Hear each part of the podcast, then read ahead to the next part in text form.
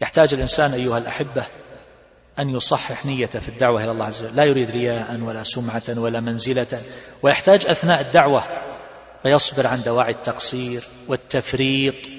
تدعوه نفسه للانشغال بالدنيا وبهرجها وتدعوه نفسه أحيانا إلى بسبب أوهام يعيشها إلى الترك والقعود عن دعوته. ولربما قارف بعض ما لا يحل له في دعوته كبعض الوسائل المحرمة التي لا يجوز له أن يسلكها من أجل جذب الناس. بل ربما بعضهم بقي سادنا لقبر ولما سئل عن هذا قال الناس أعرضوا عن المساجد ونحن لا نجد سبيلا إلى جذبهم إلا بهذا وهو رجل من أهل العلم من أهل العلم. وقد حدثني عن هذا بعض من قابله وسأله وناقشه في هذه القضية. فالإنسان يحتاج أن يسلك في الدعوة إلى الله عز وجل الطريق المشروع. قل هذه سبيلي أدعو إلى الله على بصيرة. أدعو إلى سبيل ربك. إلى سبيل ربك. فسبيل الله هي التي شرعها.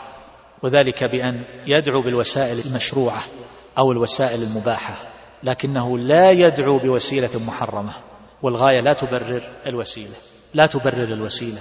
ولو أن الناس سلكوا هذا لكانوا على طريق واحد في الدعوة إلى الله عز وجل ولزوم الاتباع والسنة وتخلصوا من كثير من المخالفات والتوسع والبدع التي يقعون فيها وهم يريدون ما عند الله تبارك وتعالى. كما أن الإنسان يحتاج أيضا بعد أن يقدم الدعوة إلى الآخرين أن يصبر أيضا فلا يبطل عمله الذي عمله بأي أمر من, من الأمور التي تبطله كالعجب. والزهو والنظر إلى النفس والنجاحات التي حققها قد يتوب على يده خلائق قد يسلم على يده أناس كثير فيصاب بالعجب فيكون ذلك سببا لإبطال أعماله. ولو أنه ما أسلم على يده ولا واحد وهو مخبت منكسر القلب يستشعر ضعفه وعجزه وفقره إلى ربه وخالقه ويرجو رحمته ويخاف عذابه فهو أفضل من ذلك الذي آمن على يده العشرات ثم هو يحرق يحرق نفسه ويبطل أعماله. كما أن الإنسان بحاجة أيضا في دعوته إلى حفظ أعماله الصالحة من أن ينقلها من ديوان السر إلى ديوان العلانية. إلى ديوان العلانية. فضلا عن أن ينقلها من ديوان العلانية إلى ديوان إلى ديوان الرياء. وقل مثل ذلك في الصبر حين البأس. والصبر في مجال العلاقات مع الآخرين. الله عز وجل يقول في الزوجات وعاشروهن بالمعروف. فيحتاج الإنسان أن يصبر في هذه المعاشرة. وكثير من الناس يظلم ويحصل منه الإساءة بالقول أو بالفعل ولربما أخذ مالها أو نحو ذلك لقلة صبره عن أمر ما منهم من لا يصبر عن المال فيأخذه. ومنهم من لا يصبر عن السباب فينطلق به لسانه. ومنهم من لا يصبر عن الضرب ومنهم من لا يصبر عن الإساءة بأي لون من الألوان. فمثل هؤلاء قل صبرهم فساءت أعمالهم.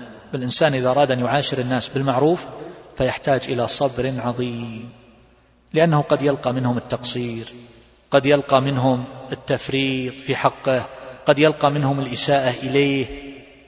فلا يكون ذلك مانعا له من أداء حقوقهم التي أوجبها الله عز وجل عليه. ولا تستوي الحسنة ولا السيئة. ادفع بالتي هي أحسن. فإذا الذي بينك وبينه عداوة كأنه ولي حميم وما يلقاها. يعني هذه الخصلة إلا الذين صبروا. وما يلقاها إلا ذو حظ عظيم. ما يصل إليها إلا الواحد. بعد الواحد. كثير من الناس قد لا يصبر عن رد الإساءة بمثلها. فكيف تطالبه بأن يرد بأن لا يرد الإساءة أصلا؟ فكيف تطالبه بالمرتبة الثالثة وهي أن يرد الإساءة بالإحسان؟ إنسان يسيء إليه ويغتابه ويقع في عرضه ويرسل له هدية ويتلطف به ويعفو عنه. هذه من يفعلها؟ وقد ذكرنا نماذج لهذا في في في درس أخلاق. أخلاق الكبار. فهذه أمور لا يصل إليها الإنسان إلا بعد مجاهدات خاصة من كان في نفسه حزونة في الطبع. الناس يتفاوتون. من الناس من هو جبل خلقة يغلب عليه سلامة الصدر. ومن الناس من كأنه جبل على ضيق الصدر وحرجه ولربما كانت الأسرة بكاملها تطبعت بهذا ينشأ عليها الصغير ويتوارثونه ولا يفوتون شيئا. والإساءة تبقى في قلب الواحد منهم لا تخرج منه. لكنه بالمجاهدات والترويض والتربية يستطيع الإنسان يتخلص من كثير من الرواسب.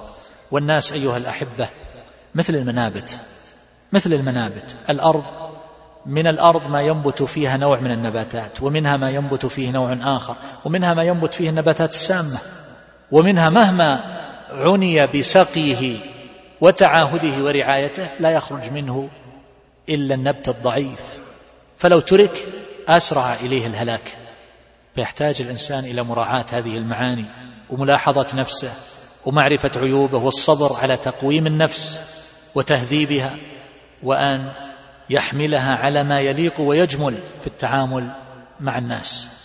النوع الثاني هو الصبر عن المحرمات والمعاصي وقمع الشهوات ومجاهدة النفس فلا تقربها فيقهر نفسه عن هواها. النفس إذا نظرت إلى الدواعي الموجودة في داخلها تجد النفس الأمارة بالسوء.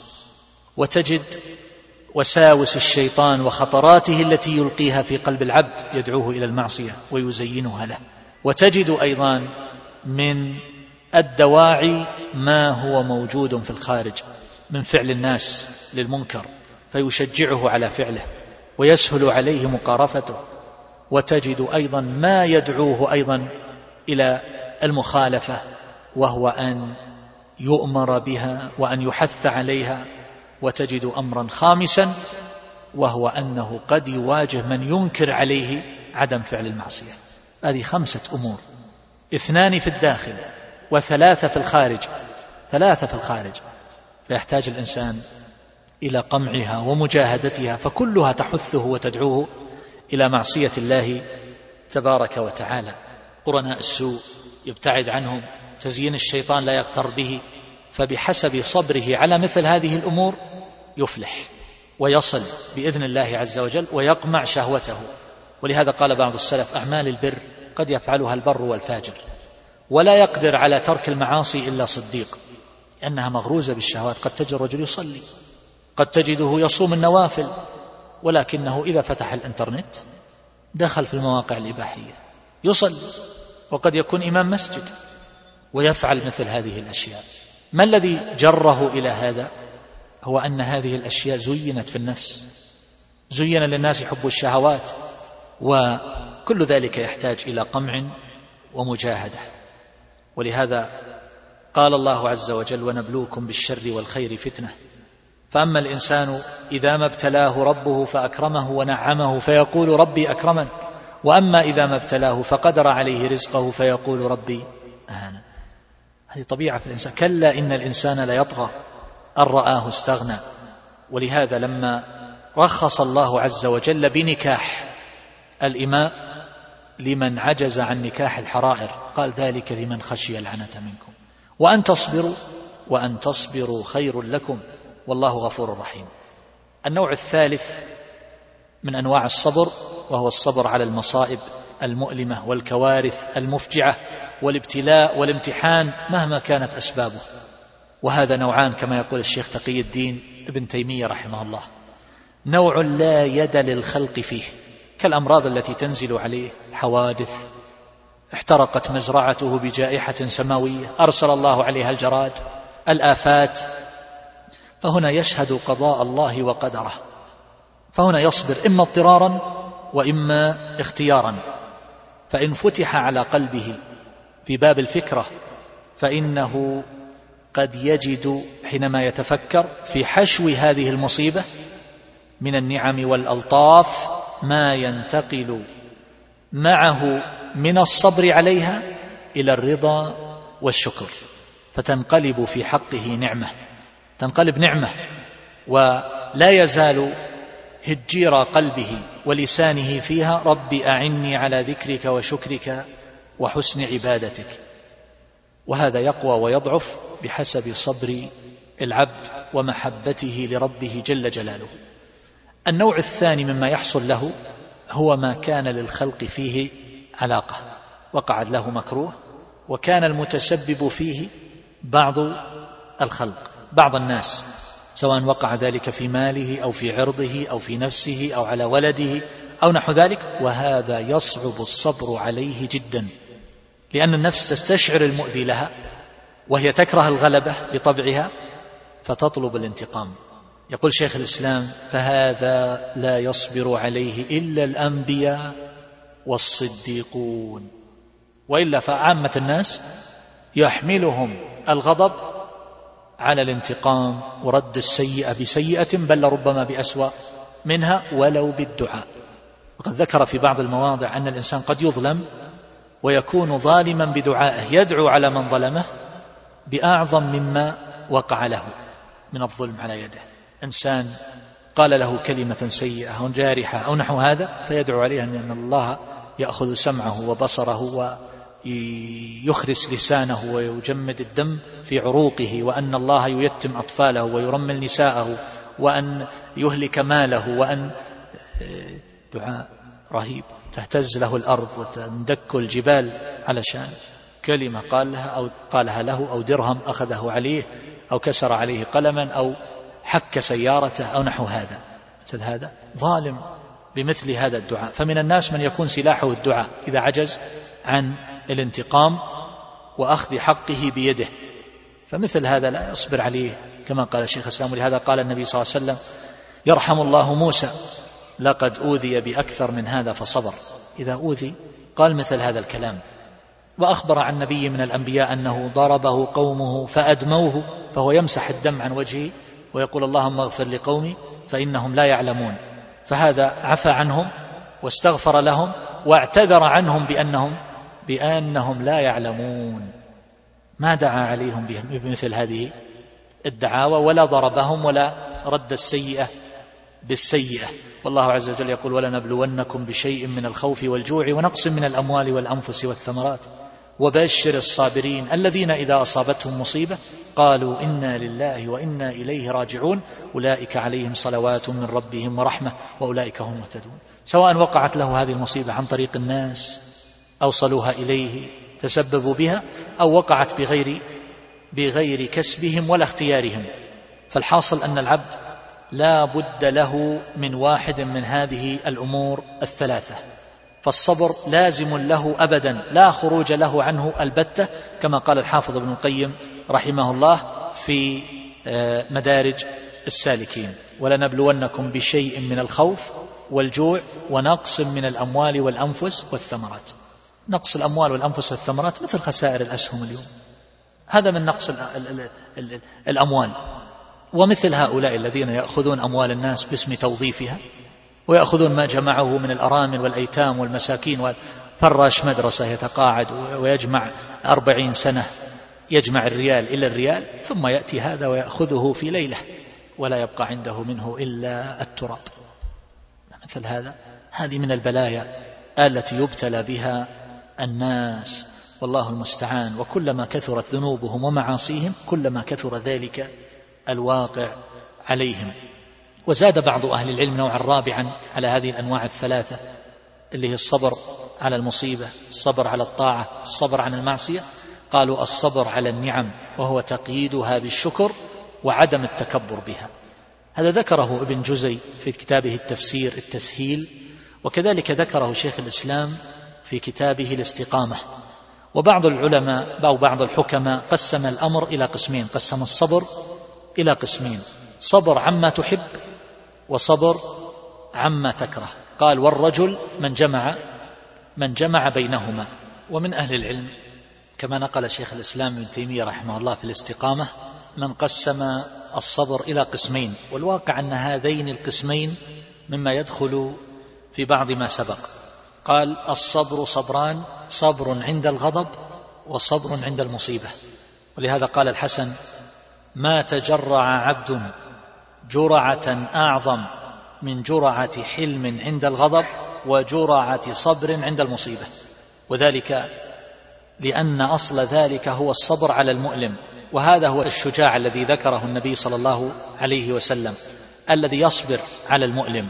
والمؤلم إن كان مما يمكن دفعه فإنه يثير الغضب يعني يستطيع أن يرد وينتقم فيتحرك الغضب عند الإنسان. وإذا كان مما لا يمكن دفعه فإنه يثير الحزن.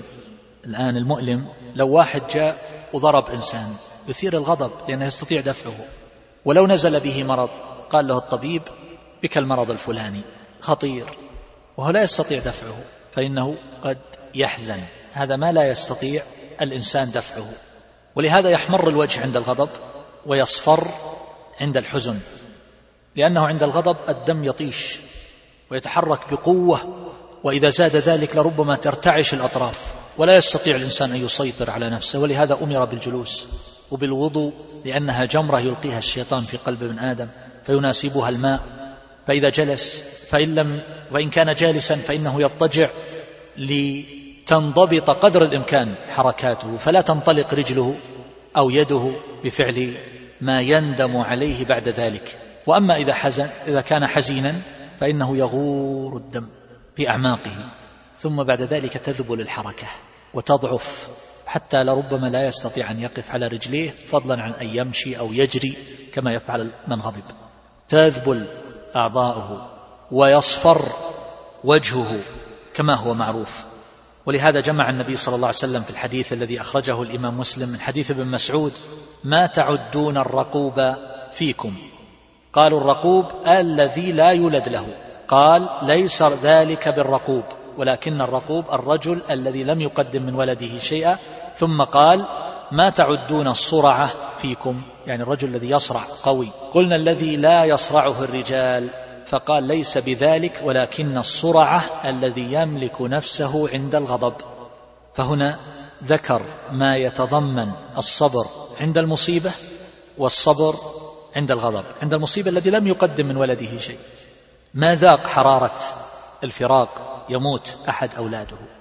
وهذا الإنسان الذي لا يملك نفسه عند الغضب مثل هذا قل صبره في مثل هذه الحال. وعلى كل حال الكلام في هذا يطول. والله عز وجل ذكر من صفة الإنسان قال ولئن أذقنا الإنسان منا رحمة ثم نزعناها منه إنه ليئوس كفور. ولئن أذقناه نعماء بعد ضراء مسته ليقولن ذهب السيئات عني إنه لفرح فخور إلا الذين صبروا وعملوا الصالحات. إلا الذين صبروا وقال الله عز وجل لكي لا تأسوا على ما فاتكم ولا تفرحوا بما آتاكم. ولهذا وصف كعب بن زهير رضي الله تعالى عنه الأنصار آه، رضي الله تعالى عنهم أو المهاجرين قال ليسوا مفاريح إن نالت رماحهم كثرا وليسوا مجازيعا إذا نيلوا. وكذلك أيضا قال حسان رضي الله عنه يمدح الأنصار لا فخر إنهم أصابوا من عدوهم وإن أصيبوا فلا خور ولا جزع. يعني ليسوا بخوارين وليسوا بمجازيع. ومن الصبر أيضا الصبر على البأساء والصبر على الضراء. على البأساء وعلى الضراء. فالضراء يحتاج العبد معها إلى الصبر وهذا أمر ظاهر. وكذلك السراء النعم يحتاج معها إلى صبر. وقد تكون فتنة السراء أعظم من فتنة الضراء. والإمام أحمد رحمه الله لما حبس وضرب صبر فلما أقبل عليه بعد ذلك الخليفة وقربه وصار يدعوه إلى قصره وهو يعتذر فكان في آخر حياته حينما ابتلي بهذا كان يقول هذا أشد وكان يقبض يده ثم يفرج أصابعه ويقول وددت أن نفسي بيدي فأطلقها. ما قال هذا الكلام حينما ابتلي بالحبس والجلد وهو صائم حتى يغمى عليه وإنما قاله لما واجه فتنة السراء. ولهذا قال بعض السلف ابتلينا بالضراء فصبرنا. وابتلينا بالضر بالسراء فلم نصبر. ولذلك كان أكثر الخلق لا يصلحون في حال الغنى فيطغيهم ويفسدهم وإنما يصلح أكثرهم في حال في حال الفقر والمسكنة. ولهذا كان أكثر أهل الجنة من المساكين والفقراء وكان أكثر أهل النار من الأغنياء. فالفقر يسهل معه الصبر عن كثير من الملذات لأنه لا يجدها. وأما الغنى فالمباهج أمامه. ولذلك إذا تمسك بدينه فإن ذلك يكون أعظم في درجته وأكمل في إيمانه. وعلى كل حال الكلام في هذه القضية كلام معروف ولا حاجة للتطويل فيه. كذلك ينقسم إلى محمود ومذموم. فالمذموم قد أشرت إليه في بعض المجالس السابقة. هو الصبر عن الله عز وجل الصبر عن إرادته الصبر عن محبته وسير القلب إليه فهذا الصبر يتضمن تعطيل كمال العبد بالكلية كما يقول الحافظ ابن القيم رحمه الله. وتفويت ما خلق له خلقه الله لعبادته فيصبر عن ذلك ويعرض عن ربه تبارك وتعالى وينحبس عن طاعته فهذا أسوأ الصبر. وأقبحه. قد قيل لبعض الزهاد قال له رجل من المسرفين على أنفسهم تعجب من زهده قال ما رأيت أزهد منك؟ فقال أنت أزهد مني. يقول أنا زهدت في الدنيا وهي لا بقاء لها ولا وفاء وأنت زهدت في الآخرة. فمن أزهد منا؟ من هو الأزهد؟ هذا الذي زهد عن الدنيا أو الذي زهد عن الآخرة؟ ولهذا قال يحيى ابن معاذ صبر المحبين أعجب من صبر الزاهدين. ولهذا قيل الصبر يحمد في المواطن كلها إلا عليك. يعني الصبر عن الله عز وجل وعن طاعته. فالصبر عن الله جفاء الصبر عن الله جفاء. فهذا الإنسان يكون قد يكون عفيف الجبهة لا يسجد لله سجدة ولا يعرف المساجد بطال معطل الجوارح من طاعة ربه ومليكه ومعبوده جل في علاه ولا شك أن هذا صبر قبيح. وأما الصبر المحمود فهو بأنواعه التي سبقت الصبر بالله وذلك بالاستعانة به والصبر لله والصبر مع الله فيما ذكره بعض أهل العلم حيث جعلها ثلاثة أنواع وسبق الكلام على شيء من هذا. ف وقلنا إن أفضلها هو الصبر لله لأنه متعلق بإلهيته وبه يكون تحقيق عبوديته. وأما مراده بالصبر مع الله عز وجل فهو أن يدور أن يدور مع الله أن يدور مع مراده الديني فيتبع أمره ويجتنب نهيه وهذا في الواقع عائد إلى إلى ما سبق كما ذكرنا فيما مضى. وعلى كل حال بعضهم زاد قسما آخر وسماه الصبر في الله عز وجل والواقع أنه يرجع إلى النوعين السابقين. وقد قال سفيان بن عيينة رحمه الله في القرآن اثنان وثمانون موضعا الصبر محمود. يعني ذكر على وجه الحمد في اثنين وثمانين موضعا وموضعان مذموم. وذكر المذموم سواء علينا أجزعنا أم صبرنا. صبر أهل النار. نسأل الله العافية على العذاب. والثاني الآية الثانية أن امشوا واصبروا على آلهتكم حينما تواصوا على الصبر على الكفر. إن كاد ليضلنا عن آلهتنا لولا أن صبرنا عليها. نسأل الله العافية. فهذا صبر على الباطل. ولذلك تجد الإنسان قد يؤذى غاية الأذى وهو مقيم على الباطل ولا يتحول ولا يتحول عنه. وهكذا ينقسم الصبر باعتبار تعلقه بالبدن أو النفس. فهناك صبر لما يلحقه من الآلام في بدنه. تحمل المشاق والآلام التي تحصل له. فهذا قد يكون اختياريا كالصبر على مشاق الطاعة العبادة أو مشاق الأعمال الدنيوية التي يزاولها. وقد يكون اضطراريا كالصبر على ألم المرض كالصبر على الجراح التي قد تقع له وما إلى ذلك مما يعرض لبدنه من الآفات. هناك صبر آخر وهو الصبر النفسي وهذا أعظم من الصبر البدني وكلاهما مطلوب. فالصبر النفسي منه ما يكون اختياريا وهو صبر الإنسان عن الهوى والشهوة والمعاصي. والصبر على طاعة الله عز وجل وقد يكون ذلك اضطراريا كما لو حيل بينه وبين مطلوبه وشهوته. ماذا يصنع؟ ما استطاع أن يصل إلى مراده من اللذات فهذا ليس أمامه إلا الصبر أو الجدار ما عنده شيء. فمثل هذا وبهذا تتنوع الأسماء كما ذكرنا إن كان في ميدان المعركة فهو شجاعة وإن كان في عن مواقعة شهوة الفرج فهو عفاف وإن كان الأشياء التي ذكرناها سابقا لا حاجة لإعادتها. وهكذا أيضا ينقسم باعتبار القوة والضعف ومقاومة جيش الهوى كما ذكرنا سابقا.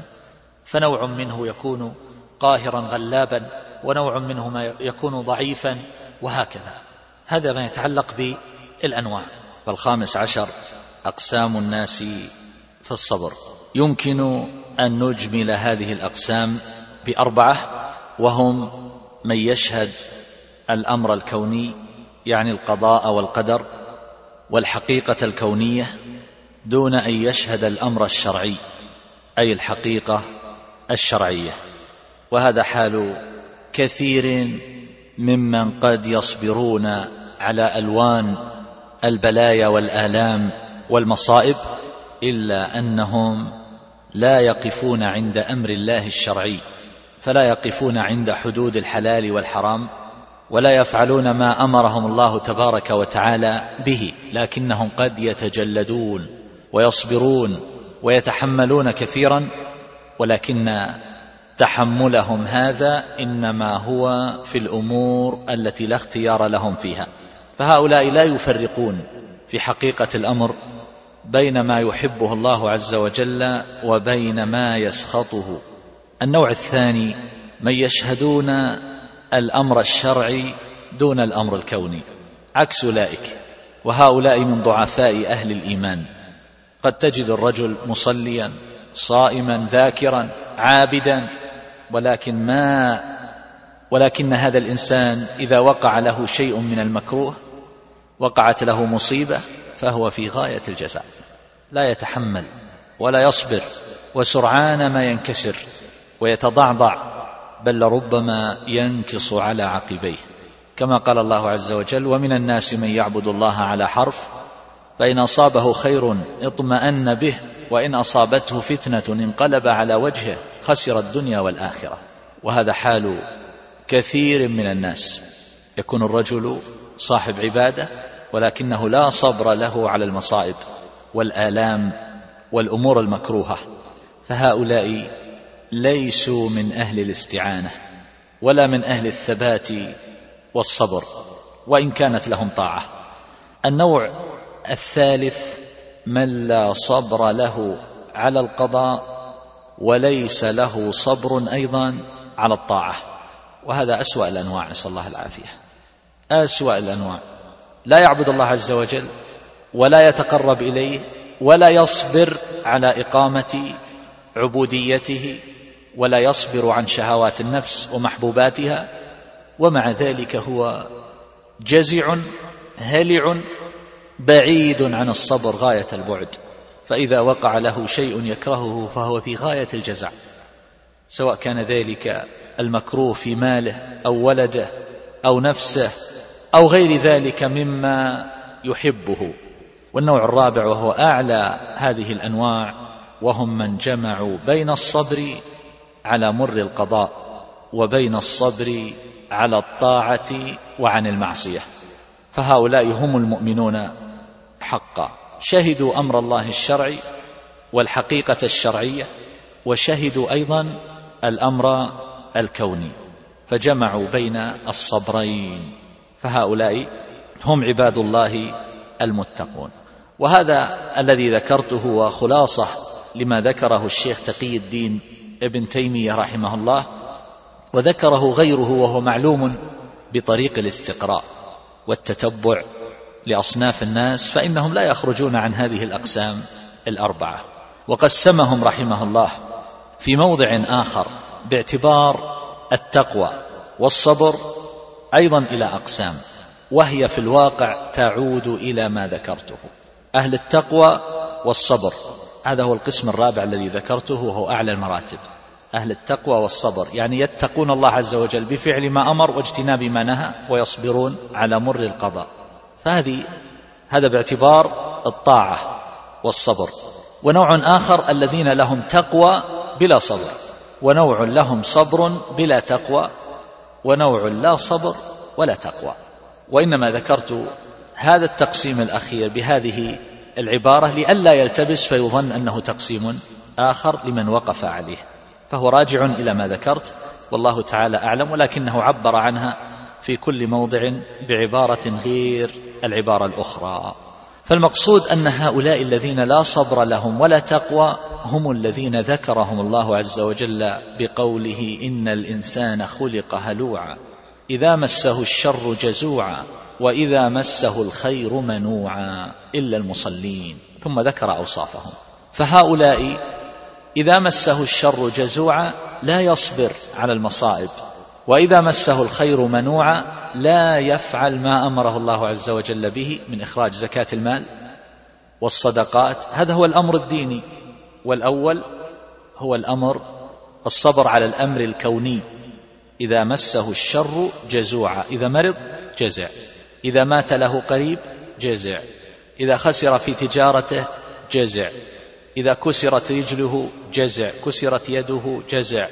حصل له حادث جزع. وهكذا يجزع. إذا حصل له شيء لا يحبه. نعم. وهؤلاء ذكر شيخ الإسلام ابن تيمية رحمه الله في بعض كتبه أن هؤلاء في حال التمكن هم من أشد الناس عتوا وجبروتا. وظلما للعباد وفي حال الانكسار وحينما يغلب الواحد منهم فهؤلاء تجدهم أذل الناس وأكثر الناس جزعا وهلعا وضعفا ولربما جعل الواحد منهم يتملق لمن قهره وظلمه وعلاه ويتوسل به غاية التوسل وينكسر إليه غاية الانكسار وهذه شر أوصاف العبد والكامل من كان لله أطوع وعلى ما يصيبه أصبر فكلما كان العبد أكثر اتباعا لما أمره الله عز وجل به وأعظم اجتنابا لما نهاه الله عز وجل عنه وأعظم صبرا على الأقدار فإنه يكون بذلك أعظم تحقيقا للإيمان وتكميلا للنفس ورفعة في الدرجات فإن نقص منه شيء من هذه الأوصاف نقصت نقصت مرتبته. والناس في هذا على كل حال يتفاوتون. منهم من يكون صبره على الأشياء التي يجد طعمها قريبا ويصبر على الأشياء التي تميل إليها نفسه ويظن أنه ينتفع بها انتفاعا قريبا فيصبر عليها. منهم من يصبر على ترك الشهوات ولا يصبر على فعل الطاعات. ومنهم من يصبر على فعل الطاعات ولا يصبر عن الشهوة. وهذه قضايا للتربية مدخل كبير وتأثير عظيم بليغ فيها. الذي اعتاد على المعاصي أو الذي اعتاد منذ الصغر أنه كلما طلب شيئا حقق له. فهذا فطامه صعب إذا تقدم به السن. فهو لم يعتد منع النفس وحبسها عن شيء تطلبه ابدا. فكلما تاقت لنفسه نفسه لشيء تحقق منذ الصغر. فعندئذ إذا أراد فطام النفس حينما يكبر فإن ذلك يعسر عليه جدا. لكن قد يستطيع أن يصلي أن يصوم أن يقرأ القرآن أو نحو ذلك ولكن نفسه إذا تحركت غرائزها وشهواتها فعند ذلك لا يستطيع أن يكفها بحال من الأحوال. وهذا سر كبير في أن كثيرا من الناس قد يقارفون ألوان المعاصي لا سيما ما اعتادوا عليه وتجد الرجل من المصلين. ولا تنهاه صلاته عن هذه الأمور. تجد الرجل يصلي ويحافظ على الصلوات الخمس في المسجد مع الجماعة ومع ذلك لا يستطيع بحال من الأحوال أن ينعتق من هذه من هذا البلاء الدخان مثلا. ما يستطيع تركه. وإذا خاطبته بهذا قال لا أستطيع مأسور. مغلوب على أمره. لا يستطيع مكابدة النفس ومجاهدتها تجاه هذه القضية. ليه؟ لأن له فيه شهوة وقد اعتاده. فهو يستطيع أن يقوم ليلة يصلي ولكن ولذلك تجد بعض هؤلاء ينذر أحيانا أنه إن فعله فإنه يصوم شهرين ويصوم فعلا. يفعل ثم يصوم ويفعل ثم يصوم وهكذا. تجد الرجل لربما ظاهر من امرأته وهذا يحصل كثيرا. يظاهر من امرأته فيجب عليه عتق رقبة فإن لم يستطع ف صيام شهرين متتابعين. فتجد الرجل يصوم الشهرين المتتابعين لكنه إن خرمها يخرمها بالجماع.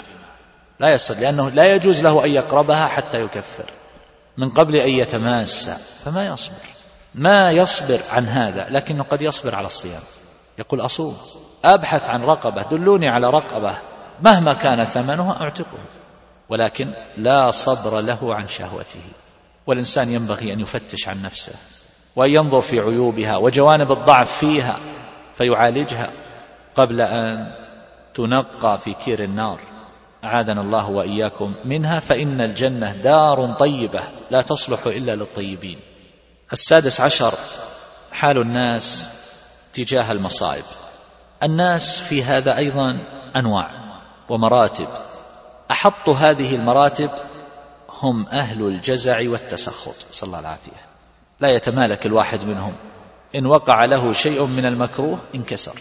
وظهر ذلك في وجهه وفي عمله وفي خلقه مع أهله ومع من حوله. ولربما شك في دينه. ولربما ارتد عن الإسلام. ولربما وقع له شيء مما لا يليق من سب الله عز وجل أو سب الدين. أو نحو ذلك من الأمور التي قد تقع لبعض هؤلاء.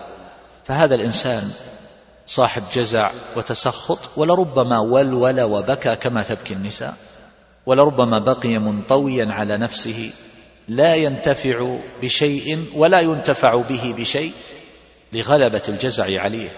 فهذا جزع هلوع فهذه مرتبة لا تليق بالمؤمن لأنها اعتراض على قدر الله تبارك وتعالى وهي أحط المراتب. المرتبة الثانية التي فوقها وهم الذين يصبرون. يجدون ألم المصيبة وتنازعهم النفس لشيء من الأفعال والأقوال التي يعبرون بها عما يجدونه من الآلام ولكنهم يحبسون النفس. فيصبر ويثبت ولكنه من داخله يتحرق بسبب ما وقع له من المكروه. فهذه مرتبة طيبة يأجر الله عز وجل الإنسان عليها وهي مرتبة واجبة لا بد للعبد منها وإلا وقع في الإثم.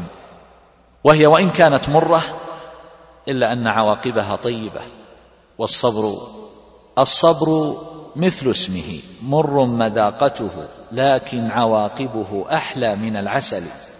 فلا بد للإنسان من مثل هذا فهو يرى أنه شيء ثقيل عليه لكن يجب عليه أن يتحمله وأن يثبت على مراد الله عز وجل. وهناك مرتبة فوق هذه وهم أولئك الذين يحصل لهم الرضا بمر القضاء.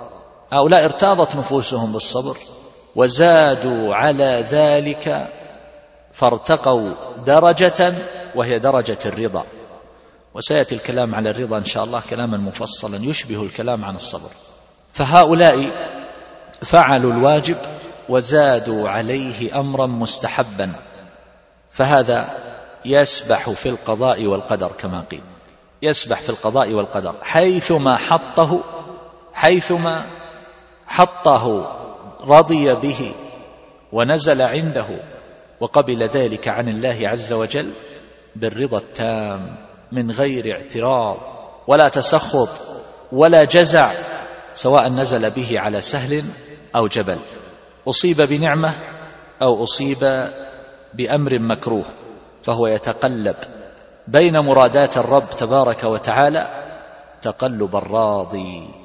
عن ربه جل جلاله لأن ذلك شيء أراده الله عز وجل له فلسان حاله يقول ليس لاختيار سوى اختيار المعبود جل جلاله. فما رضيه لي ربي رضيته لنفسي. الفرق بينه وبين الأول بين الصابر الصابر يحبس نفسه ويتمنى الخلاص من هذه الحال بأسرع ما يكون والانتقال منها إلى حال العافية. أما الراضي هذا فيختلف. لا يتمنى الانتقال منها إلى غيرها. جاءه مرض. قال له الطبيب عندك المرض الفلاني الكبد متليفة. هذا الورم الذي فيك ورم خبيث. أجارنا الله وإياكم والمسلمين وعاف من ابتلي منهم. فقال له ذلك فهو يصبر تماما ويرضى بهذا ولا يتمنى أن ينتقل منه إلى غيره. يقول يا رب اخترت لي هذا فليس لي اختيار مع اختيارك. هذه مرتبة عالية. اخترت لي هذا فليس لي اختيار معه. جرح وقع له حادث مات له قريب فهو يقول ليس لي اختيار مع اختيار الله.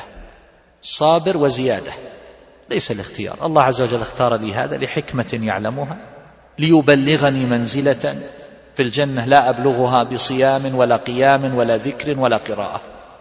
عرف مني التقصير في العمل فشدني بالألم فرفعني إلى هذه المنازل فليس لي اختيار معه والله عليم حكيم لم يوقع هذا بي عبثا وإنما يكفر به الذنوب ويرفع به الدرجات ويحصل به من الخير أنواع وألوان لا أحصيها كما سيأتي في بيان الطريق إلى الصبر.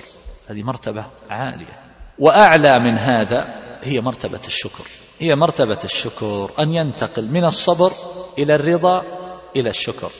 يعني يرى أن هذا المكروه الذي وقع له أنه نعمة ساقها الله إليه فيشكر ربه على هذا الإفضال والإنعام. وهذه القضية لا يتصورها كثير من الناس.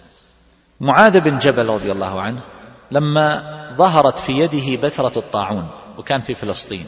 قبل أن يقع به الطاعون قبل أن يمرض لما نزل الطاعون بالشام دعاه عمر فاعتذر إليه. عمر خاف عليه ورجل بهالمثابة والطاعون داء وباء عام ينزل ويموت كثير من النفوس. فعمر دعاه إلى المدينة فاعتذر إليه. فلما ظهرت بثرة الطاعون في يده كان يقبلها أمام الناس على المنبر فرحا بها. لماذا؟ لأنه يرى أن الطاعون شهادة كما أخبر النبي صلى الله عليه وسلم يقبلها على المنبر. أين هذا من الذي يتقلب وجهه ويتلفع بألوان الطيف؟ يسود ويحمر ويصفر يخضر ويزرق. إذا أخبره الطبيب أن مرضا نزل به وأن هذه الفحوصات تثبت أن حالته خطيرة. أين هذا من هذا؟ هذا يقبل بثرة الطاعون على المنبر. والآخر لما طعن ماذا قال؟ قال فزت ورب الكعبة. فزت ورب هذه كانت سبب لإسلام بعض من حضر. كيف يقول فزت ورب الكعبة؟ وقد طعن وفي ظاهر الأمر خسر كل شيء. فزت ورب الكعبة. فمثل هؤلاء يفرحون بهذا وأخبار السلف في هذا عجيبة. يشكرون الله عز وجل على البلاء. ولولا أني أخشى أن لا يبلغ ذلك عقول بعض من حضر أو من يسمع لذكرت عن الصحابة رضي الله عنهم أشياء عجيبة في شكرهم على البلاء في الشكر على البلاء. فهذه مرتبة لا يصل إليها إلا الواحد بعد الواحد وإنما يوصل إليها بأمور يحتاج العبد أن يستجمعها وأن يسترجعها وأن يتصورها من أجل أن يدرك أن هذا الذي وقع له أنه خير وليس بشر. هذا يحتاج إلى بصر وتأمل ولعلنا نأتي على أشياء من هذا في الكلام على الطريق إليه. كيف نصل إلى الصبر؟ السابع عشر هو الكلام على ما ينافيه وما لا ينافيه. هناك أفعال وتصرفات تصدر من الإنسان تكون منافية للصبر وهناك أشياء لا تخل به ولا تناقضه. فيحتاج الإنسان أن يعرفها. فاولا ما يتعلق بالشكوى. الشكوى هل تنافي الصبر؟ نقول الشكوى ينبغي أن توجه إلى الله تبارك وتعالى لأنه الذي يملك النفع والضر وإنما تكون الشكاية لمن يرجى عنده النفع أو الدفع. فالإنسان لا يشكو لمن يكون عاجزا. فإذا نزل الضر بالإنسان نزلت به المصيبة نزل به البلاء فليس أمامه إلا الله تبارك وتعالى يشكو إليه هذا الذي نزل به. فهذا هو الواجب على الإنسان. ولذلك سبق معنا في معنى الصبر أنه ترك الشكوى من ألم البلوى كما عبر عنه بعضهم لغير الله عز وجل.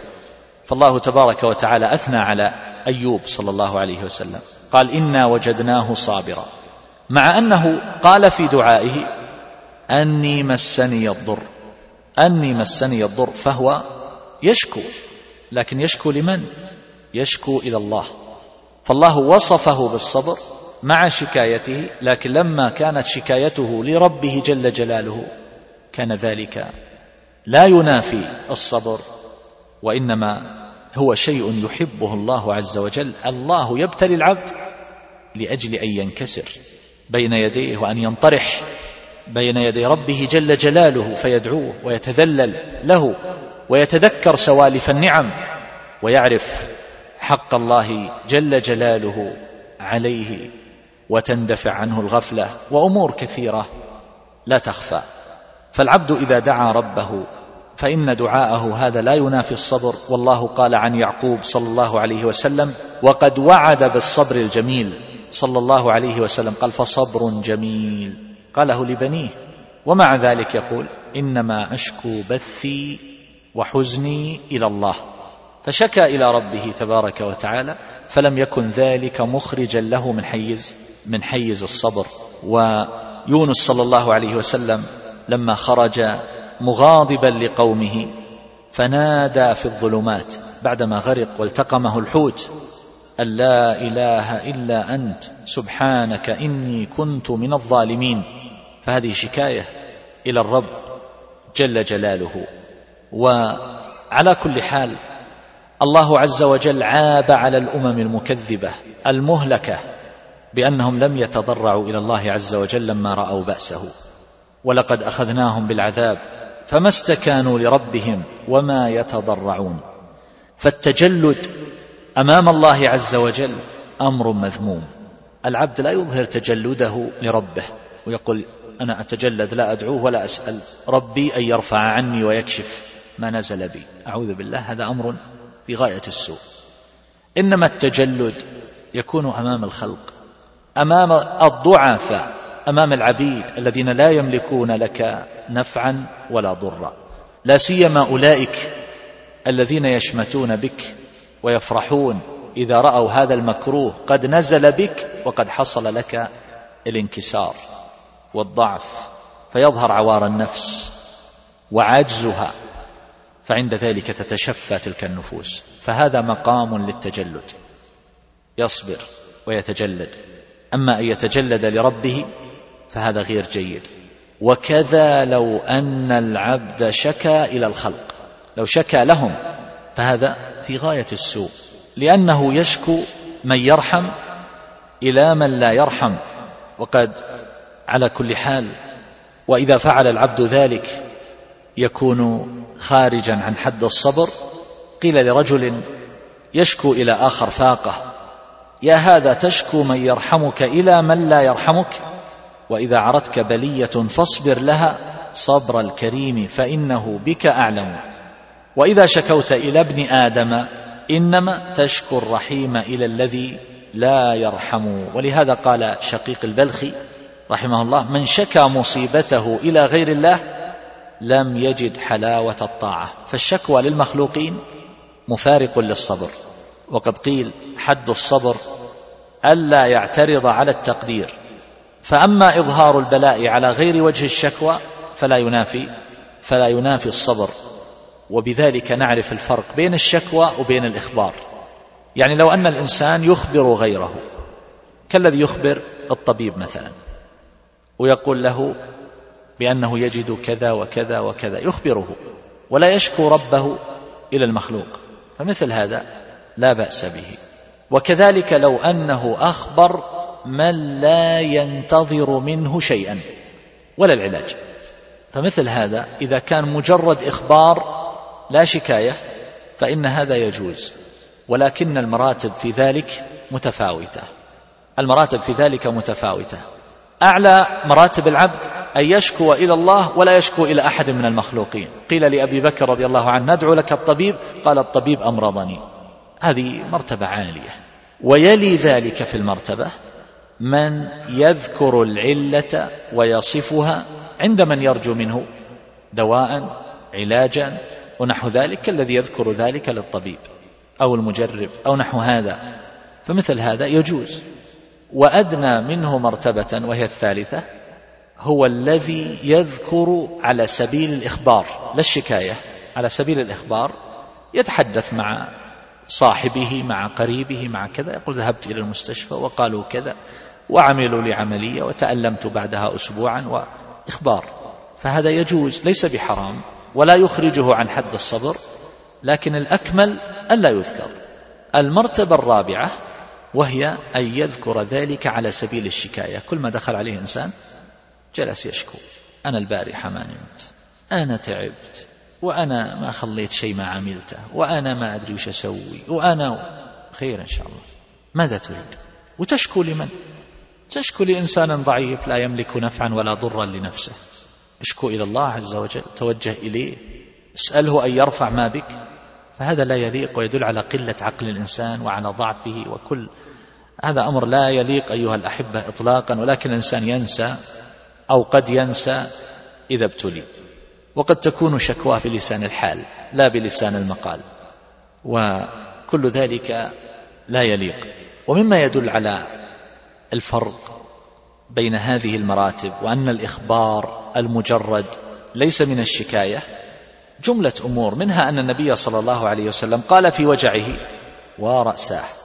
وقال سعد رضي الله عنه سعد بن أبي وقاص لما مرض وخاف أن يموت قال يا رسول الله قد اشتد بي الوجع وأنا ذو مال. هو يريد أن يستفتي النبي صلى الله عليه وسلم في أن يوصي بماله أو بنصف ماله أو ب فيقول قد اشتد بي الوجع هو لا يشكو الله عز وجل وإنما يخبر عن واقع الأمر.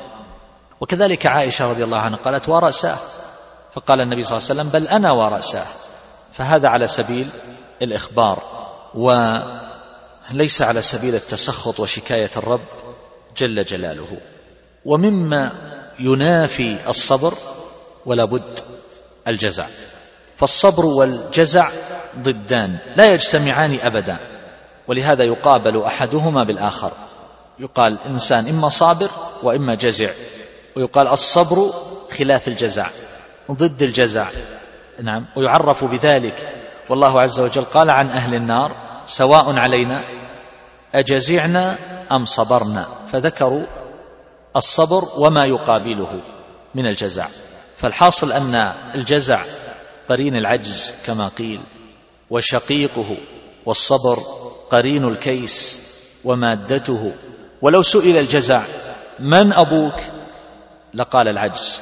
ولو سئل الكيس من أبوك؟ لقال الصبر. لأن الإنسان لا يمكن أن يحقق الكيس إلا بالصبر. وأما الجزع فإنه يقع للإنسان بسبب بسبب العجز. يعجز عن الصبر والتجلد فينهار. ويحصل له مثل مثل هذا الجزع. ولهذا قال الفضيل رحمه الله لا يجزع عند المصيبة إلا من اتهم ربه إلا من اتهم ربه.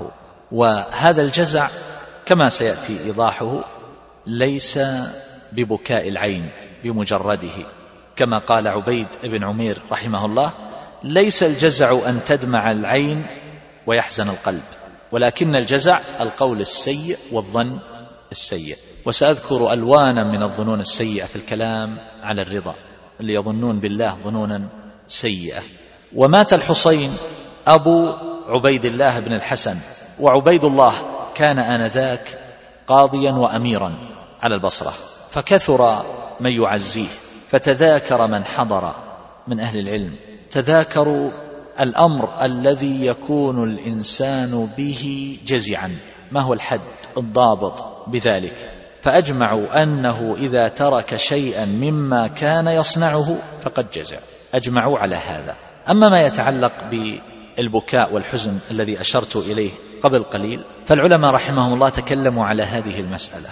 إذا بكى الإنسان عند المصيبة هل يكون جزعا أو لا يكون جزعا؟ فذهب بعضهم كالإمام أحمد وأبي حنيفة رحمهم الله إلى أنه يجوز أن يبكي الإنسان على ميته بعد الموت. كما يجوز له أن يبكي قبله يعني عند أمارات الموت. ولم يفرقوا بين هذا وهذا. يبكي قبل خروج الروح ويبكي بعد خروجها. استدلوا على هذا بجملة من الأدلة.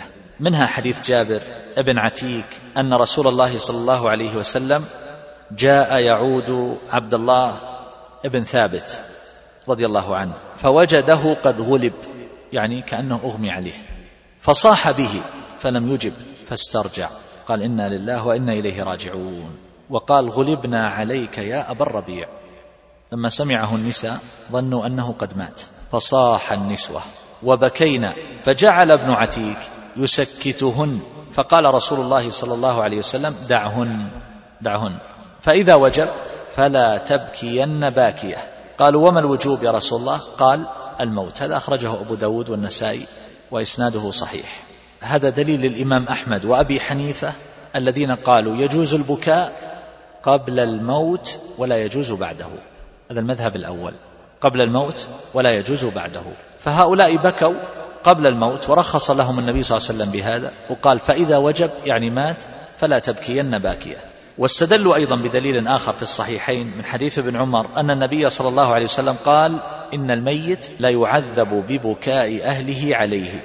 قالوا ما يقال له ميت إلا إذا فاضت روحه وقبل أن تفيض روحه لا يقال له ذلك. واستدلوا بدليل ثالث وهو حديث ابن عمر أن النبي صلى الله عليه وسلم لما قدم من أحد سمع نساء بني عبد الأشهل يبكين على هلكاهن فقال لكن حمزة لا بواكي له.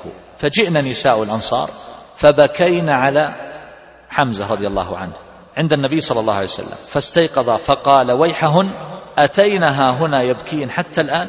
مروهن فليرجعن ولا يبكين على هالك بعد اليوم. الإمام أحمد وإسناده صحيح. فهذا قالوا إنه يدل على نسخ الأدلة التي فيها الترخيص بالبكاء.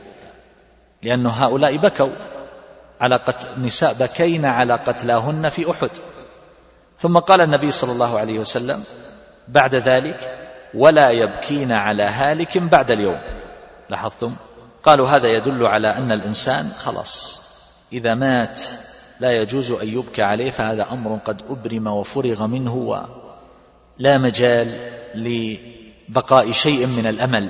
أما الذين قالوا إنه يجوز أن يبكي الإنسان بعد الموت وقبل الموت هؤلاء استدلوا بأدلة كثيرة. منها حديث جابر بن عبد الله رضي الله عنه قال أصيب أبي يوم أحد فجعلت أبكي. فجعلوا ينهونني ورسول الله صلى الله عليه وسلم لا ينهاني فجعلت عمتي فاطمة تبكي. فقال النبي صلى الله عليه وسلم تبكين أو لا تبكين؟ ما زالت الملائكة الملائكة تظله بأجنحتها حتى رفعتموه. وهو مخرج في الصحيحين. هذا في أحد. واستدلوا بدليل آخر في الصحيحين وهو حديث ابن عمر قال اشتد آه، أو اشتكى سعد بن عبادة رضي الله عنه شكوى له. ليس المرض الذي مات فيه لأنه مات بعد النبي صلى الله عليه وسلم.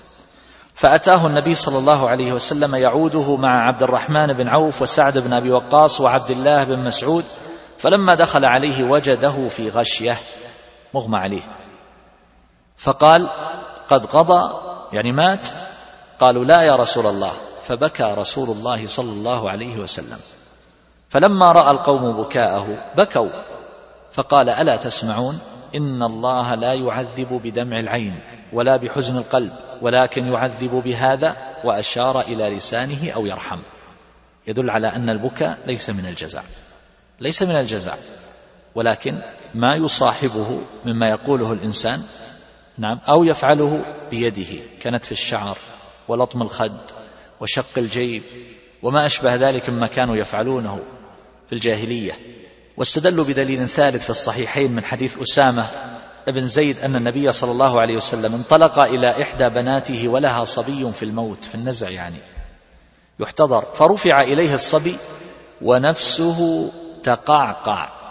صوت النفس الروح وهي توشك على الخروج.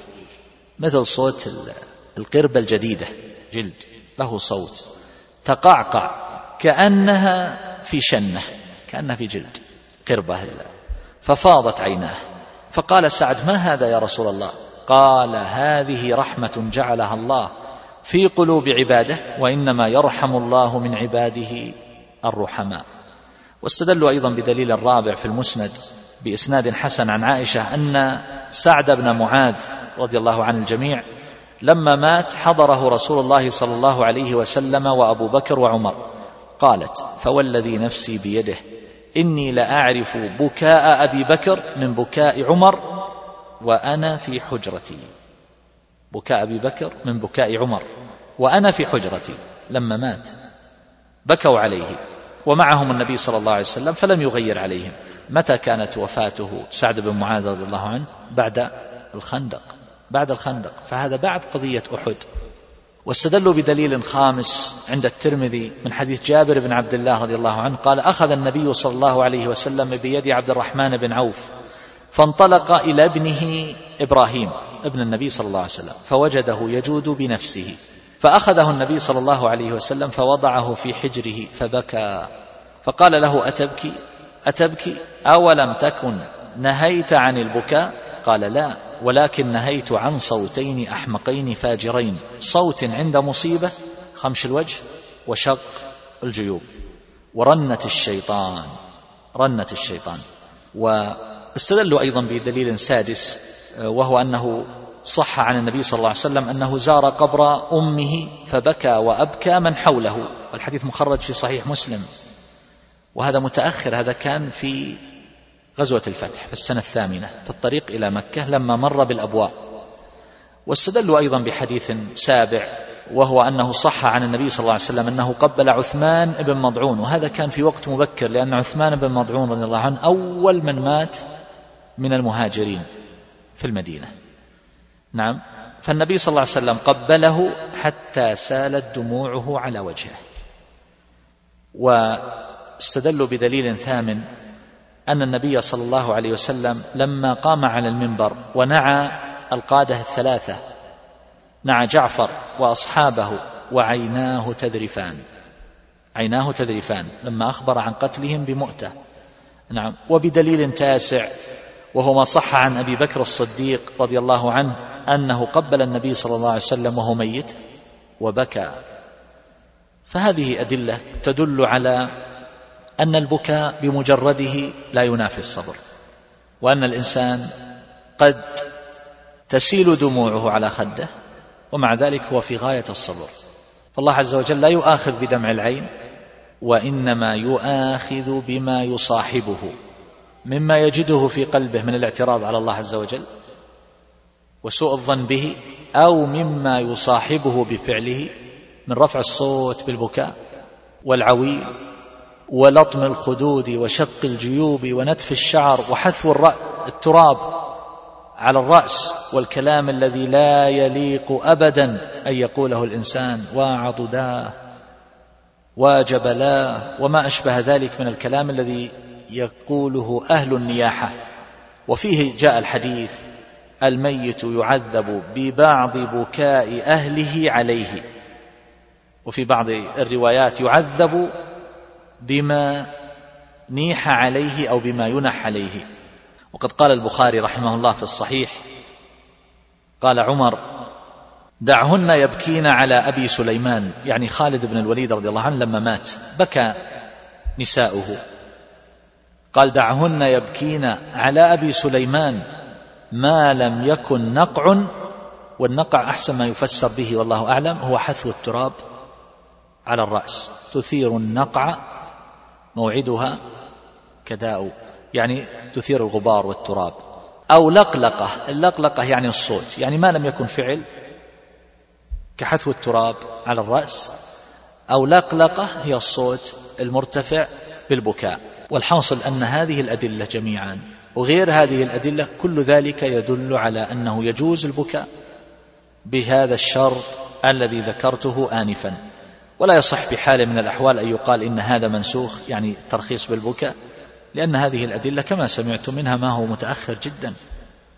إلى السنة الثامنة ولربما بعد السنة الثامنة فهي متأخرة ومنها ما رواه أبو هريرة رضي الله عنه وإسلامه قد تأخر لأنه جاء إلى النبي صلى الله عليه وسلم وهو في خيبر في السنة السابعة وهكذا ما وقع في مؤتة فكان بعد السنة الثامنة قطعا كما هو معروف في تاريخ الغزوة وبكاؤه على سعد بن معاذ كان في السنة الخامسة وهكذا على كل حال. والبكاء بعد الموت لا شك أنه أكثر تبريرا من البكاء قبله لأن الإنسان الذي يبكي قبل الموت بكاؤه دواعي البكاء أضعف لأنه يرجو أن يكون هذا الإنسان يبرأ من علته. لكن إذا مات فقد كل أمل.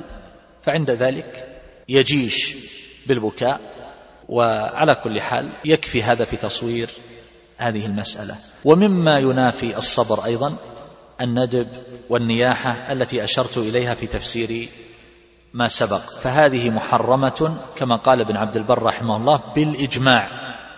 لا تجوز. لا للرجال ولا للنساء. وقد جاء في الصحيحين من حديث ابن مسعود رضي الله عنه أن النبي صلى الله عليه وسلم قال ليس منا من ضرب الخدود وشق الجيوب ودعا بدعوى الجاهلية. وجاء في الصحيح من حديث أبي بردة رضي الله عنه قال وجع أبو موسى وجعا فغشي عليه ورأسه في حجر امرأة من أهله فصاحت امرأة من أهله فلم يستطيع أن يرد عليها شيئا. يعني من شدة المرض.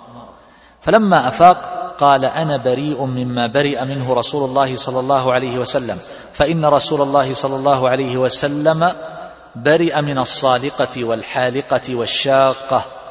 تحلق شعرها للمصيبة صلى الله العافية أو تقطع ضفائرها أو تشق جيبها. وفي الصحيحين أيضا من حديث المغيرة بن شعبة أنه سمع النبي صلى الله عليه وسلم يقول من ينح عليه يعذب بما نيح عليه. وجاء في الصحيحين من حديث أم عطية رضي الله عنها في البيعة التي أخذها النبي صلى الله عليه وسلم على النساء ألا ننوح. هذا ضمن الأمور التي أخذها النبي صلى الله عليه وسلم عليهن. وفي صحيح البخاري من حديث ابن عمر أن النبي صلى الله عليه وسلم قال الميت يعذب في قبره بما ينح عليه. وفي مسلم من حديث أبي مالك الأشعري أن النبي صلى الله عليه وسلم قال أربع في أمتي من أمر الجاهلية. لا يتركونهن. الفخر بالأحساب والطعن في الأنساب والاستسقاء بالنجوم والنياحة. وقال النائحة إذا لم تتب قبل موتها تقام يوم القيامة وعليها سربال من قطران ودرع من جرب. صلى الله العافية. قطران أشد تلهبا وتوقدا. والجرب فيه ما فيه من الأذية والحكة وتآكل الجلد فيجتمع عليها هذا وهذا. وأيضا صح في سنن أبي داود من حديث أسيد ابن أبي أسيد عن امرأة من المبايعات قالت كان فيما أخذ فيما أخذ علينا النبي صلى الله عليه وسلم في المعروف الذي أخذ علينا ألا نعصيه فيه يعني ولا يعصينك في معروف. ألا نخمش وجها ولا ندعو ويلا ولا نشق جيبا ولا ننفش شعرا. وفي المسند أيضا من حديث أنس قال أخذ النبي صلى الله عليه وسلم على النساء حين بايعهن ألا ينحن ألا ينحن. فقالت بعض النساء يا رسول الله إن نساء أسعدتنا في الجاهلية. يعني جاءت ناحت فنرد فنريد أن نرد لها الجميل ننوح إذا حصل لها مصيبة. فأفنسعدهن في الإسلام؟ فقال لا إسعاد في الإسلام. وهذا أخرجه الإمام أحمد وإسناده حسن. وجاء أيضا في مسند الإمام أحمد من حديث أبي موسى أن النبي صلى الله عليه وسلم قال الميت يعذب ببكاء الحي إذا قالت النائحة وعضداه وناصراه وكاسياه جبذ الميت وقيل له أنت عضدها أنت ناصرها أنت كاسيها هذا أخرجه الإمام أحمد وإسناده حسن. وفي البخاري من حديث النعمان بن بشير قال أغمي على عبد الله بن رواحة فجعلت أخته عمرة تبكي وتقول وجب له وكذا وكذا تعدد عليه.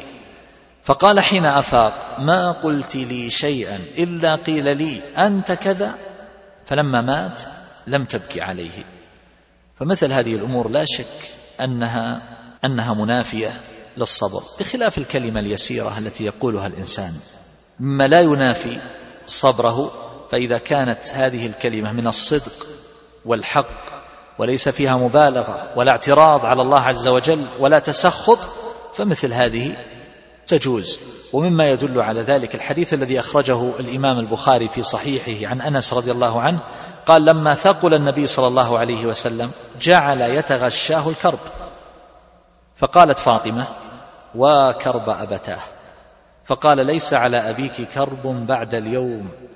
فلما مات قالت يا أبتاه أجاب ربا دعاه. يا أبتاه جنة الفردوس مأواه. يا أبتاه إلى جبريل ننعاه. وقال النبي صلى الله عليه وسلم لما مات إبراهيم ابنه. قال وإنا بك يا إبراهيم لمحزونون. فهذا ليس فيه تسخط على القدر وليس فيه اعتراض ولا شيء فيه إن شاء الله. بعد ذلك ننتقل إلى الثامن عشر. وهو الطريق إلى الصبر. كيف نتصبر؟ كيف نصل إلى هذه الخصلة العظيمة الواجبة التي من انسفل عنها فقد وقع في الجزع الذي حرمه الله عز وجل عليه. كيف نصل إلى الصبر؟ أقول سأذكر أمورا كثيرة جدا يمكن للإنسان أن يصل معها إلى الصبر يصبر نفسه. فأول ذلك أن يتذكر الإنسان أن الله عز وجل قد ارتضى له هذا الأمر واختاره له وأن العبودية الحقة تقتضي أن يرضى بما رضي الله عز وجل له. تقتضي أن يرضى. هذا الإنسان شلت أطرافه. هذا الإنسان أصابه مرض خطير. هذا الإنسان ذهبت تجارته احترق دكانه احترق بيته وفيه عياله. انقلب في سيارته رأى أولاده يتناثرون بين يديه يموتون الواحد بعد الواحد فيصلى عليهم جملة يخرج عن طوره يضرب على رأسه يصيح. ماذا يفعل؟ ذكر أن الله عز وجل قد ارتضى له هذا الشيء واختاره له فالعبودية تقتضي الرضا بما اختاره الله تبارك وتعالى له. والأمر الثاني تذكر أن الذي ابتلاك بهذا هو أرحم الراحمين وهو أحكم الحاكمين. أرحم الراحمين. فهو أرحم بك من نفسك وأرحم منك بهؤلاء الذين تبكيهم ولربما تجزع لفقدهم. وهو أرحم بك حينما وقع لك هذا المكروه في مالك أو في غيره مما تحب. وأمر ثالث وهو كما يقول الحافظ ابن القيم رحمه الله في طريق الهجرتين أن يعلم الإنسان أن هذه المصيبة هي دواء نافع ساقه الله إليه. ساقه إليه الطبيب العليم بمصلحته الرحيم به فليصبر على تجرعه ولا يتقيأه بتسخطه وشكواه فيذهب نفعه باطلا. هذا دواء دواء ساقه إليك الطبيب. فهو دواء فهو دواء مر مكروه. يحتاج إلى أن تتجرعه وأن تصبر حتى يحصل المقصود من هذا الدواء. فإذا لفظه الإنسان أو استفرغه أو أباه ابتداء فإنه يبقى على علته ولا يحصل ولا يحصل مطلوبه ولا يحصل الغرض. من هذا الدواء الذي ساقه الله إليه. وأمر الرابع نتذكر جيدا أن هذه الأمور المكروهات التي تقع لنا إنما هي بسبب ذنوبنا وتقصيرنا وجرائمنا. والله يقول وما أصابكم من مصيبة فبما كسبت أيديكم ويعفو عن كثير. فيكون شغل العبد بدلا من الجزع والتفكير. بإعادة شريط الذكريات السيئة وصورة هذا الإنسان وهو يموت أو صورة هذا الإنسان وهو يتشحط أو مما لا يجدي له نفعا أن يكون التفكير بالتقصير. ومعرفة الذنوب التي أوجبت له مثل هذه المصيبة فيتدارك ذلك ويرجع إلى الله عز وجل وتكون هذه البلية والمصيبة سببا لتصحيح المسار وتقويم سلوك العبد وتهذيب نفسه وإصلاح قلبه بدلا من أن يرجع إلى نفسه باللوم على أمور قد فاتت لا يجدي التلوم عليها. وقد قال علي رضي الله عنه ما نزل بلاء إلا بذنب وما رفع إلا بتوبة. هذه الخسائر التي مني بها الناس اليوم وليس لهم حديث سواها. المفروض أن يرجعوا إلى أنفسهم. يقولون هذا بذنوبنا بإقبالنا على المحرمات والشبهات ولا نرعوي. ونسخر حينما نسمع أن فلانا وفلان يقول لا يجوز وهذا حرام أو أن فلانا قد تورع من هذا وكنا نعتقد أن ذلك من البلاهة لأن هذه السنيات إذا ما صار الإنسان فيها ثريا فلن يكون ثريا بعد ذلك. فمني الناس بما تعرفون. فالمفروض أنهم يرجعون إلى ذنوبهم. هذه المصائب العامة التي تقع والمصائب الخاصة. المفروض أن يقول الناس هذا بسبب بعدنا عن الله عز وجل. المفروض أن نرجع إليه وأن نصحح حالنا مع الله. لا أن يستزيدوا من الذنوب والمعاصي ويكاشرون الله عز وجل فيها. وهم يمتحنون ويقلبون بألوان المحن والبلايا من حولهم. ألوان وألوان. فهذا هو شأن الإنسان العاقل. لا أنه آه، نسأل الله العافية يتمادى في باطله وغيه وفساده. وأمر خامس وهو أن يشهد حق أن يشهد لله عز وجل حقا عليه في هذه المصيبة والبلوى وهو الصبر. حق الله علينا في البلية والمصيبة هو الصبر. فنحن مأمورون بأداء هذا الحق لله جل جلاله. الله وعدنا بالبلاء بالابتلاء وأمرنا بالصبر. ووعد عليه حسن الجزاء. ولهذا تذكر دائما إذا وقع لك شيء تكرهه قول المؤمنين لما رأوا الأحزاب ولما رأى المؤمنون الأحزاب قالوا هذا ما وعدنا الله ورسوله وصدق الله ورسوله وما زادهم الا ايمانا وتسليما. واجود ما قيل في تفسير الايه والله تعالى اعلم ان المؤمنين لما راوا الاحزاب يطوقون المدينة تذكروا ما وعد الله به من الابتلاء. الانسان لابد يبتلى. المؤمن لابد يبتلى. ام حسبتم؟ قالوا هذا ما وعدنا الله ورسوله وهو ام حسبتم ان تدخلوا الجنه. ام حسبتم ان تتركوا. فاذا الانسان راى المكاره مباشرة يتذكر ويقول هذا ما وعدنا الله ورسوله وصدق الله ورسوله. وأمر سادس وهو أن يعلم الإنسان أن هذه قضية مقضية ومقدرة وأن الله عز وجل قد كتب ذلك في كتاب عنده قبل أن يخلق السماوات والأرض بخمسين ألف سنة. بخمسين ألف سنة. وأن الله عز وجل قد كتب للإنسان وهو في بطن أمه أيضا حينما بعث إليه الملك فأمره بأربع كلمات. أن يكتب أجله ورزقه وعمله شقي أم سعيد؟ فهذه الأشياء التي تقع للإنسان لا بد من حصولها. فلا يقال لو أنه ما سافر هذه الساعة لو أنه ما فعل كذا لو أنه ما ذهب مع فلان لو أن هذه أمور لا تنفع. هذا أمر لا بد أن يقع. أو يتآكل بعض الناس يقول لو أني ما تاجرت بالتجارة الفلانية أو إذا كان هذا الاستدراك الخطأ فقط للمستقبل لا على سبيل التحسر فلا بأس أن يستفيد الإنسان من أخطائه وأن يراجع عمله. هذا لا إشكال فيه لكن على سبيل التحسر. هذا أمر لا بد من وقوعه فهو واقع لا محالة فالجزع لا يزيده إلا بلاء. نسأل الله العافية. ولا يرد له فائد فما وجه الجزع؟ وما الداعي إليه؟ والله عز وجل لما خلق القلم أول ما خلق القلم قال له اكتب قال ما أكتب قال اكتب مقادير كل شيء. إلى قيام إلى قيام الساعة. فالعاقل لا يجزع من أمر قد فرغ منه.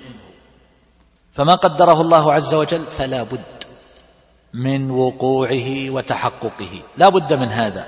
ولو اجتمع الخلق جميعا على دفعه لا يمكن أن يدفعوه حديث ابن عباس إني أعلمك كلمات احفظ الله يحفظك.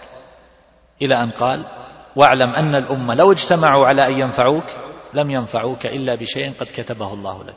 ولو اجتمعوا على أن يضروك لم يضروك إلا بشيء قد كتبه الله عليك. فهذه أمور مفروغ منها فيجب على العبد أن يتزر بإزار له طرفان كما يقول أبو حاتم رحمه الله. أما طرفه الأول فهو الرضا وأما الطرف الثاني فهو الصبر ليحصل بذلك الأجر. ولا يقع في سخط الله عز وجل والإثم. وقد سئل سلمان الفارسي رضي الله عنه ما الإيمان بالقدر؟ قال إذا علم العبد أن ما أصابه لم يكن ليخطئه. هون على نفسك من سعيها فليس ما قدر بمردود. وارض بحكم الله في خلقه كل قضائه محمود. لما حاصر الحجاج ابن الزبير في مكة وكان الحجاج يضرب بالمنجنيق وحجارة المنجنيق تأتي من كل ناحية وتقع على الحائط والسواري. فقيل لابن الزبير لا نأمن عليك أن يصيبك منها حجر. فقال هون عليك فإن الأمور بكف الإله مقاديرها فليس يأتيك منهيها ولا يتأخر عنك مأمورها. وأمر سابع وهو أن الجزع يسر الشامت. الجزع أمر يتنفس معه عدوك ويستروح له ويسر فإذا سمع أنه وقعت لك مصيبة يحاول أن يعرف ما هي ردود الأفعال عندك. فإذا قيل له هو في غاية الانكسار والضعف والعجز يفرح يفرح ويتنفس ويتشفى من ذلك. أما أنت فلا تستفيد شيئا من هذا الجزع إطلاقا فما حاجتك بأمر لا تنتفع به وإنما يفرح به عدوك. وأمر ثامن أن تنظر في العواقب. فليست نهاية هذا الأمر هو بهذا المكروه الذي قد حصل. العبرة في النهايات والمآلات وهذه المآلات لا تقف عند حد الدنيا وإنما تكون قد تكون في الدنيا وقد تكون في الآخرة. والله عز وجل يقول وعسى أن تكرهوا شيئا عسى أن تكرهوا شيئا وهو خير لكم وعسى أن تحبوا شيئا وهو شر لكم. والله يعلم وأنتم لا تعلمون. فعسى أن تكرهوا شيئا ويجعل الله فيه خيرا كثيرا. لعل عتبك محمود عواقبه وربما صحت الأجسام بالعلل. فقد يكون هذا الأمر المكروه هو كلذعة الكي التي يكون بعدها الشفاء بإذن الله عز وجل والعبرة بالنهايات. وأمر تاسع وهو أن يعلم الإنسان أن المصيبة ما جاءت لتهلكه وتقتله وإنما جاءت لتمتحن صبره وتبتليه فيتبين عند ذلك من يصلح للعبودية ومن لا يصلح لها. يتبين بذلك من هم أولياء الله عز وجل ومن هم الذين يصلحون لولايته. فالله يجتبي أهل الولاية والصبر والرضا والشكر ويخلع عليهم خلع الإكرام ويدنيهم ويلبسهم ملابس الفضل ويكونون هؤلاء من أهل قربه. وأما الذي يجزع نسأل الله العافية ينكص على عقبيه فإنه يطرد ويصفع قفاه ويقصى وتتضاعف عليه المصيبة وهو لا يشعر في الحال بتضاعفها وزيادتها ولكن سيعلم بعد ذلك بأن المصيبة في حقه صارت مصائب. كما يعلم الصابر أن المصيبة في حقه صارت نعما عديدة. والمسألة صبر ساعة. صبر ساعة فيحتاج إلى تشجيع القلب. تلك الساعة ليتجاوز هذا الضيق. ثم بعد ذلك يصير إلى سلوة وإلى سعة وعافية. والله المستعان. وإلا فلا بد من أن توقلع الأمور المكروهة. لا يدوم المكروه. ولا يكون الشر ضربة لازب لكنها تقلع عن هذا وهذا. تقلع عن الجازع فيبقى له الخيبة بسبب جزعه. ويذهب عنه الأجر وتقلع عن الصابر هذه المصائب ويبقى له الظفر والأجر والمنزلة عند الله تبارك وتعالى. فكم بين هذا وهذا من الحرمان؟ وهذا فضل الله يؤتيه من يشاء. وأمر عاشر وهو أن يعلم أن الله عز وجل يربي عباده بالسراء والضراء والنعمة والبلاء. فيستخرج منهم عبوديته في جميع الأحوال عبودية في حال السراء وعبودية في حال الضراء. والعبد على الحقيقة هو من قام بالعبادة لله عز وجل في الأحوال كلها. ما يكون عبدا في حال النعمة والرخاء والسرور ويكون نسأل الله العافية عدوا أو ناكصا على عقبيه في حال الشدة والبلاء. وإنما يقوم بعبودية الله عز وجل في العافية وفي حال إصابة المكروه لئلا يكون من أولئك الذين إذا أصابهم خير اطمأنوا به وإذا أصابتهم فتنة انقلبوا على وجوههم خسروا الدنيا والآخرة. فالمؤمن يثبت على هذا وهذا ومن الناس من لا يثبت في حال النعمة. ويثبت في حال البلاء. ومن الناس من يثبت في حال النعمة ولا يثبت في حال البلاء. فالابتلاء أيها الأحبة كما قيل كير العبد ومحك إيمانه فاما, فإما أن يخرج بعد الابتلاء تبرا ذهبا أحمر وإما أن يخرج, أن يخرج بعد ذلك نسأل الله العافية بمعدن رديء أن يخرج زغلا. نعم. محضا. وإما ان يخرج فيه مادتان. مادة ذهبية ومادة نحاسية أو نحو ذلك. فلا يزال البلاء بالعبد شيئا فشيئا مرة بعد مرة حتى يخرج ما به من دخل. ويبقى ذهبا خالصا ينقيه الله عز وجل فيرد إلى الآخرة وليس عليه ذنب ويكون إيمانه قد صح وعمله صالحا. والله المستعان. هذه عشرة أمور مما يتوصل به إلى الصبر وبقي الحادي عشر فمن الأمور التي تعين على تحقيق الصبر أذكرها إن شاء الله تعالى في المجلس القادم.